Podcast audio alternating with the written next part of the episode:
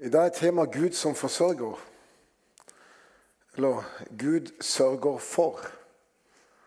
Av og til trenger vi også at Gud sørger med i vår situasjon. Men Gud sørger for. Gud som vår forsørger. Eh, Andreas Magnus snakka for en måned siden i begynnelsen av januar om Gud som alfa og omega. Så den som omfatter alt, og vi kan stole på Han. Sist gang snakket vi om Jesus som alfa og omega. Sist gang snakket vi om Jesus som vår fredsfyrste. Den som bringer oss shalom. Og shalom er jo mer enn bare sånn Jeg hadde fredelig og greit. Men det er virkelig gjenopprettelse, helhet, tilstedeværelse i vårt liv. Han setter ting i rette stand. Og det er fantastisk. Det har han gjort i mitt liv, og det gjør han i våre liv. Så ba du, Monica, her for Russland, og det var fordi vi ba for Russland på møtet. Jeg skal til Russland neste søndag. Eh, så fikk jeg just en melding om at i Omsk, der vi ga en gave til forrige gang 11 000 kom inn. Takk skal dere for gaven. Eh, der hadde nå de konfiskert det første kirkebygget, myndighetene av det. Eh, og jeg kjenner jo at Nå fikk jeg visa inn der. Det var jo en nåde fra Gud. Men jeg kjenner jo at vi lever ufattelig godt her. Vi skjønner av og til ikke hvor godt vi har det. Eh, nå ble de hevet ut av kirkebygg.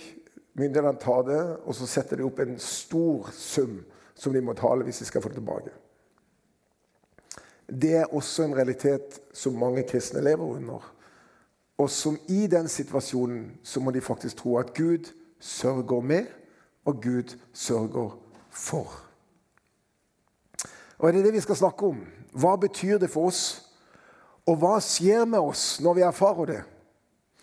Og det er jo sånn at eh, Jeg må gjøre litt av begge deler her. Eh, vi har jo Jeg tar jo det opp til det kjedsommelige, men det er sånn det er med meg.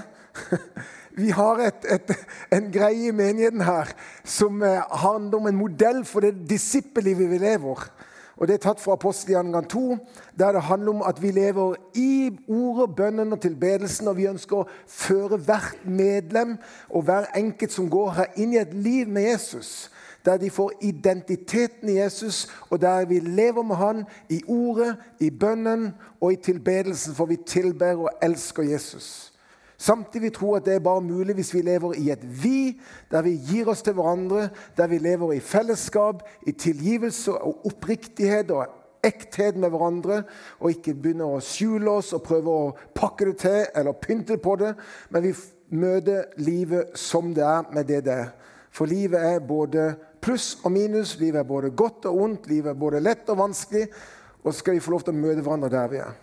Men samtidig så er vi menighet, og vi tror jo det at det er når vi lærer å gi utover og være raus, så skjer det noe med oss. Men hvorfor gjorde de første kristne at de faktisk Det står om de at de hadde en forståelse av Gud forsørga dem, og det skjedde noe radikalt med dem. For det står om at de i Apostelgjerningen 2 de, de gav og de gav langt utover det som på en måte noen sa at nå burde du gi, nå må du gi. og sånn. Det var, det var et eller annet som hadde skjedd. De hadde skjønt noe om hvem Gud var. Og det gjorde at de står at de faktisk de ga alt etter hver som hadde behov. Og de ga langt over det som noen sa du må gi.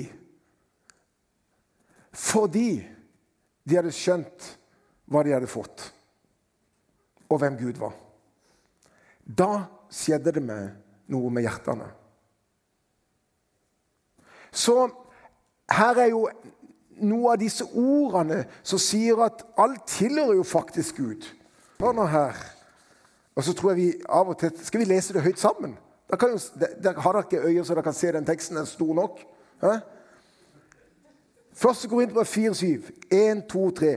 Hva annet har du enn det du har fått og har du fått noe, hvorfor skryter du som om du ikke var en gave? Må vi ta det en gang til, eller gikk det inn? Eller Salme 24,1. 1, 2, 3. Jorden og det som fyller den, hører Herren til, og verden og de som bor i, er hans. Hagai 2,8. 1, 2, 3. Mitt er sølvet Mitt er gullet, sier Herren over herskerne. Gud eier alt. Vi er forvaltere. Hæ? Hva eier han? Alt. Vi er forvaltere. Til og med mobilen til dere ungdom, eller, eller til og med tida dere bruker på PlayStation. Eller tida dere bruker til å være vaktmester på alt deres eget. Eller hva dere har. Av hytter, av hus. Av alt, sier Bibelen. Alt. Og det er alt. Tilhører Han.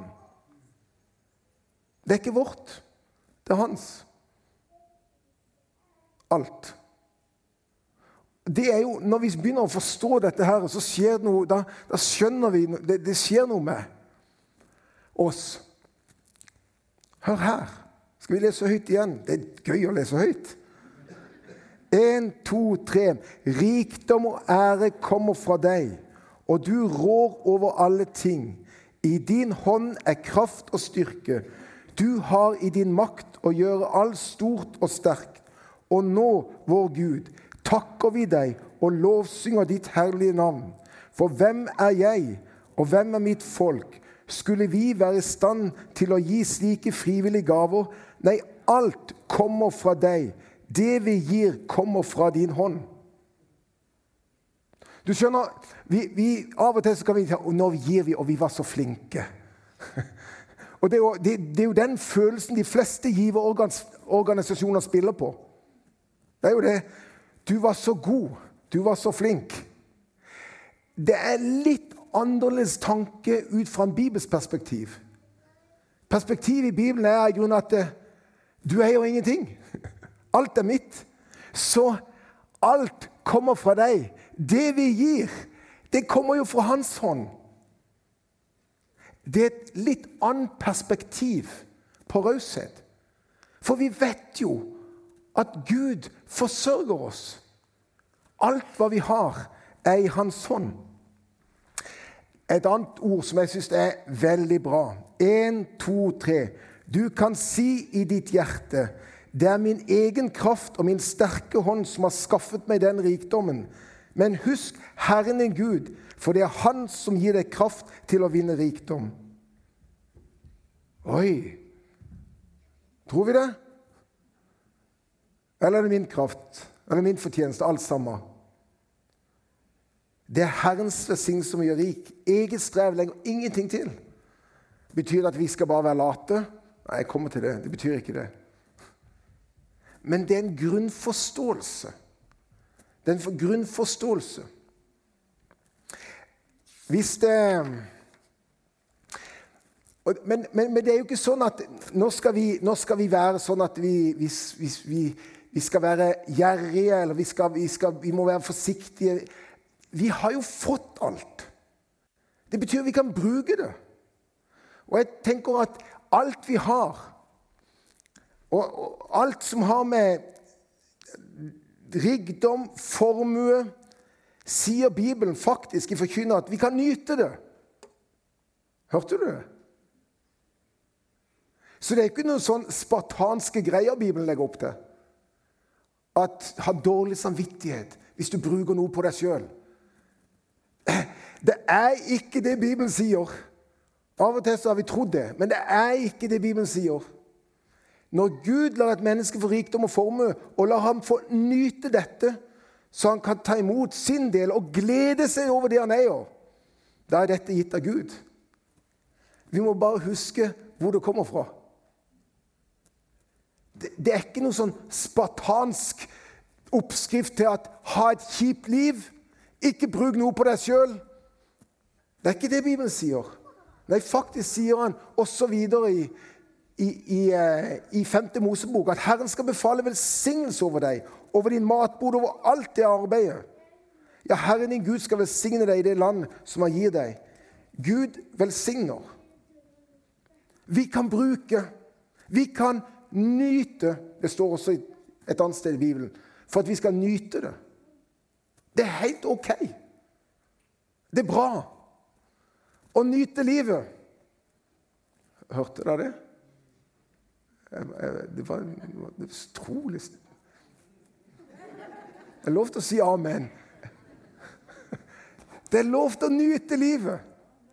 Men det er noe forståelsen av grunn hvor det kommer fra. Hvem som eier det. Hvor vi har fått det fra. Hvem som har gitt oss muligheten. Og Det er jo den grunnforståelsen som gjør at livet vårt har et annet utgangspunkt. Ikke oss sjøl, men Gud. Jeg skal si dette to ganger, for nå skal jeg bli noe praktisk. Dette er det jeg lærer egne unger og ungdommene. Jeg tror det er Simon underviste dette på, på, på Frik en gang i tida, for da snakker vi om det.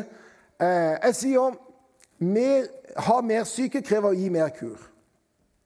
Og Min tanke er ofte veldig praktisk. Gi 10% av din inntekt med en gang før du begynner å bruke. Det er prinsippet i Gamle testamentet om førstegrøden. De ga alltid første, Av den første avlingen de fikk, så ga de til Gud 10% I visshet om han kom til å forsørge dem, selv om det ble uår eller selv om det ble noe galt etterpå. Så det er som prinsipp. Men det er ikke et lovisk prinsipp. Det vil si at det er ikke sånn at nå er det, den er veldig god kristen som gjør sånn, og den er ditt dårlige kristen. Men det er et prinsipp som er til en velsignelse for meg. Det er godt for oss. Det hjelper oss til å ikke bli fanga av mammon. Det er, et, det er, et, godt prinsipp. Så sier jeg spar 10% som en buffer, buffer hvis, hvis uforutsette ting skjer, og vær åpen også for å gi dette når Gud taler til deg. Det er et godt prinsipp. Ikke, altså, spar opp litt. Ha litt å gå på. Derfor tror jeg, ja, tror jeg det er lurt. Og så sier jeg bruk 80% i Guds frykt med fornøydhet, takknemlighet, og vit at Gud er herre overalt. Du er bare en forvalter. Alt du eier og skaffer deg, er hans. Det skal vel være til hans rikes disposisjon. Det er jo bare Hvis dere har flere skrivefeil her, så er det bare å si fra til meg etterpå. Det er helt normalt. Til hans rikes disposisjon. Så Det tenker jeg. Nå skal dere få se en film. Henrik. Lytt nøye. Den er på engelsk, men jeg klarer å forstå det som er budskapet.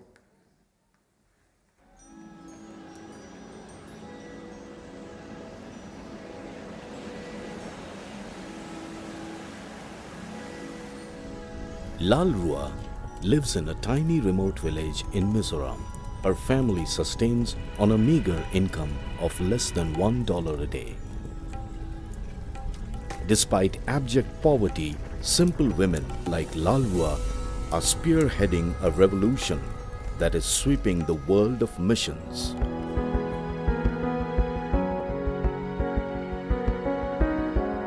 Their movement, Bufai Town, or a handful of rice.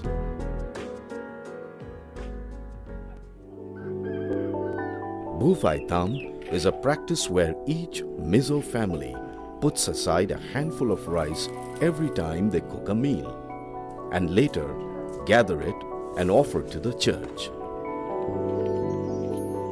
The church in turn sells the rice and generates income to support its work.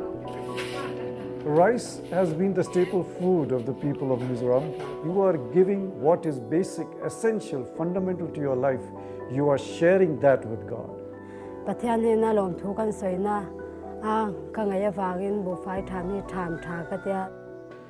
With the passage of time, people have given more than rice, vegetables, firewood, cereals, and their regular tithes, empowering the church to be self-sufficient. Mizoram state is the most backward state in India and we are the poorest of the, of the poor but still we can raise funds for the ministry of the Lord. At the close of this last fiscal year we received altogether around 13 million US dollars. Out of that 12% of our total income is from the handful of rice collection. With 1800 missionaries in India and many overseas, the Mizoram Church is known as a missionary church world over. This success is attributed to their selfless and creative giving. It is not our richness or our poverty that make us serve the Lord, but our willingness. So we Mizo people say, as long as we have something to eat every day, we have something to give to God every day.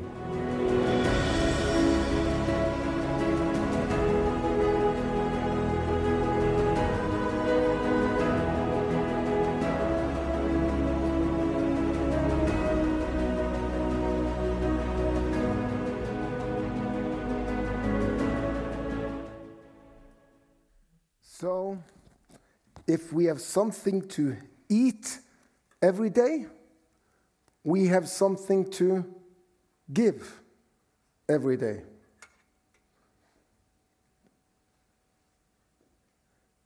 Det tenker jeg er en utrolig lærdom. Og hvor har de lært dette fra? Jo, det er sånn at vi ber i Fader vår, og vi skal be Fader vår med nattverden etterpå. La ditt rike komme på jorden som i himmelen. Og Guds kjennetegn på alt han gjør, er at han gir. Han ga sin egen sønn, Jesus Kristus, for deg og meg. For å gjenopprette det forholdet med Gud som var brutt. Så kjennetegner Guds rike det at han gir. Romerbrevet sier noe om at han som ikke sparte sin egen sønn, hvordan kan han noe annet enn å gi alt med han i tillegg? Eller som det står i Filippa, han ga avkall på sitt eget. Han ga avkall. Kjennetegnet i Guds rike, som vi ber i Fader vår, handler om at Gud er den som gir inn i vår verden og gir oss alt. Og Når vi begynner å forstå det, at det er den Gud som bryr seg om oss, som sørger for oss, som sørger med oss, og skjønner at Gud er så til stede i vår verden at han har eiendomsrett til alt. For han har gitt oss alt. Da skjer det noe med hjertene der inne, med våre liv. Det som gjør himmelen synlig, er villigheten til å gi og ofre sjenerøsitet. It's the generosity that heals the world, har jeg sagt flere ganger. Og generøsiteten er evnen og viljen til å gi uten betingelser.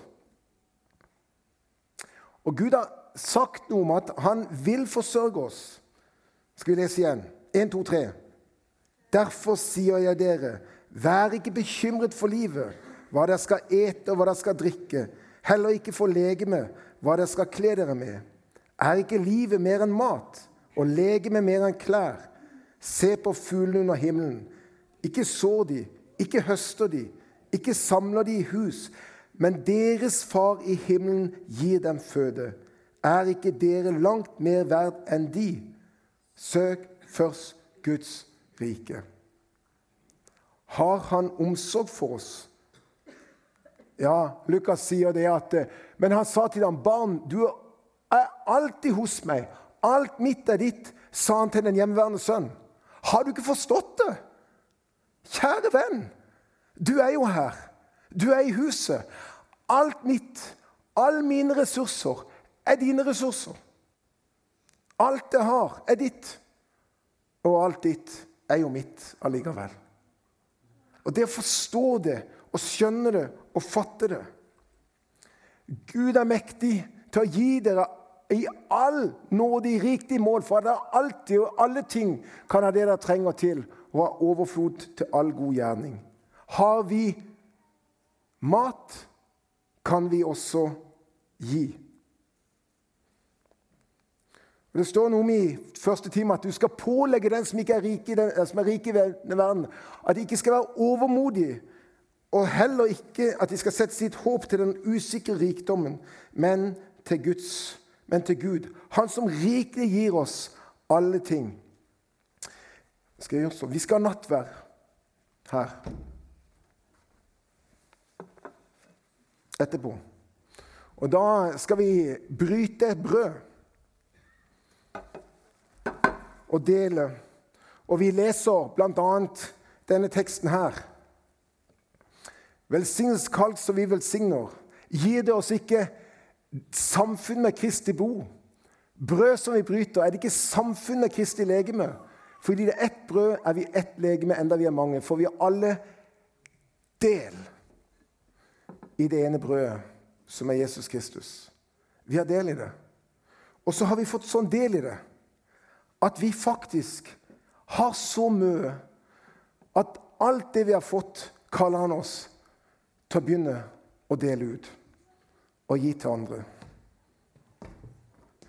Og har vi mat, da kan vi også gi og dele ut av alt vi har, til andre. Det var en historie en gang i Bibelen om Jesus og noen som fikk noen boller og noen fisk i nevene. Og eh, de hadde bare litt, men de skjønte at det lille de hadde, det kunne de dele av. Fordi Gud sa det. Og når de begynte å dele det, så opplevde de at det ble Hva ble det for noe? Det ble mer. Og det er jo det som Bibelen lærer oss, at når vi gir, så skjer det noe med våre hjerter. Vi lærer at vi har faktisk nok med det vi har. Og vi lærer oss å tenke annerledes om det vi har. For vi har fått del i dette. Vi har del i dette livet. Og alt hans er vårt, og alt vårt er hans. Og Det er jo sånn at når, når, når, når Paulus skulle på en måte forlate menigheten Øyvind Haugland skal forlate menigheten. Takk for nå. Da ser vi kanskje om tre år igjen. Jeg tror det er noe som er viktig å si til dere, og det er dette. Dere vet selv at disse hendene har skaffet meg og mine medarbeidere det vi trengte. Alltid har jeg holdt fram for dere at vi må arbeide på denne måten og ta oss av de svake og se til de som faller utenfor, for enker farlig. Så bry oss om mennesker. Men husk de ordene Jesus selv sa. Det er bedre, saligere, mer velsignelse å gi enn å ta til seg. Og så er det jo sånn, og det er her som er litt, litt, litt vanskelig nå går vi mot slutten her. Det er at vår sjenerøsitet gjenspeiler vår forståelse av hvem Jesus er, og det han har gitt oss. Bibelens veiledning til det er at du skal være en trofast forvalter både av egne og andres penger og eiendeler, tid og alt det du har. Det du settes over. Men så er det det at på en måte er det en prøve på vår karakter og en forutsetning for å forvalte åndelig rikdom.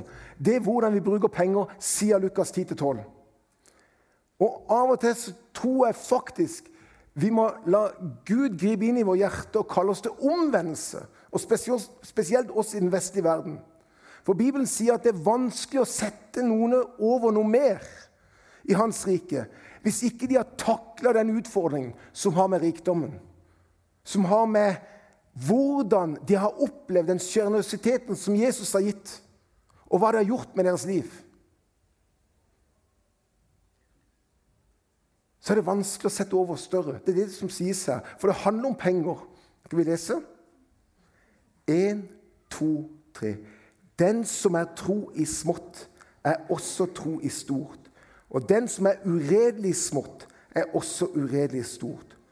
Om det ikke har vært tro når det gjelder den mammon, hvem vil da betro dere de virkelige verdier? Og dersom dere ikke har vist troskap med det som hører andre til, hvem vil da gi dere kan eie? Ingen slave kan tjene to herrer. Han vil hate den ene og elske den andre, eller holde seg til den ene og forakte den andre. Dere kan ikke tjene både Gud og mammon.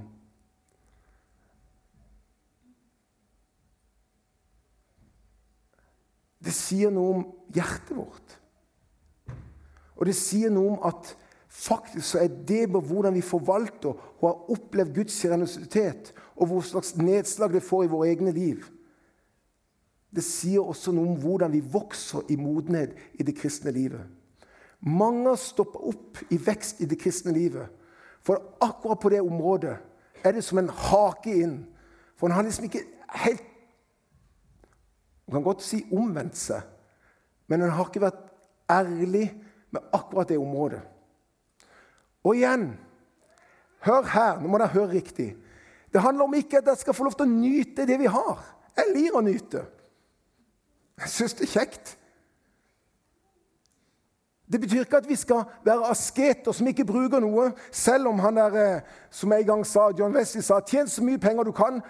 Kjempebra tjener mye. Så sa han 'bruk så lite du har råd, som råd på deg selv', og gi så mye som mulig Guds, Guds rikes utbredelse. Det var det han gjorde. Så er det jo sånn at vi skal være flittige, ikke gjerrige og late. Doven hånd gjør fattig, men flittig hender gjør rik. Og Bibelen sier noe om at vi skal faktisk vi skal arbeide, vi skal være seriøse, vi skal ta ansvar. Og et seriøst og godt og flittig medarbeider på jobb er et godt kristen vitnesbyrd. Et trofast nærvær og et fruktbart nærvær på jobb. Og sier til og med at den som ikke vil arbeide, skal ikke spise. Men skal gjøre noe nyttig i det hender. Skal ikke strele, stjele, skal, skal gjøre noe nyttig med sine hender. En kristen har stor motivasjon av arbeid. Arbeid er noe vi gjør til Guds ære. Vi lever for Han. At vi har arbeid, er et privilegium. Jeg kom fra Spania i dag til morgenen, faktisk. 25 arbeidsledighet i Barcelona. Vi er heldige. Vi har 4% arbeidsledighet her. Skjønner vi at det er et privilegium? å bo i en nasjon som har det sånn. Det er en velsignelse som, som gjelder alle som sitter her inne. Når du da går ut fra et studie og vet at det er bare 50% sjanse på at jeg kan få meg jobb de neste tre til fire årene, det er en annen virkelighet. Også som kristen å leve i. Så Avslutnings. For nå er tida gått, ikke sant, Henrik? Jeg utfordrer deg til å tenke igjennom. Og kanskje er det noe, det er noen, noe i ditt liv som på en måte du må arbeide med. Både i opplevelsen av hvem, hvem, Jesus er for deg, som den som sørger med deg, og som sørger for deg. Har du, har du en forståelse av det? At han er den som har gitt alt til deg? Og hva det betyr for deg?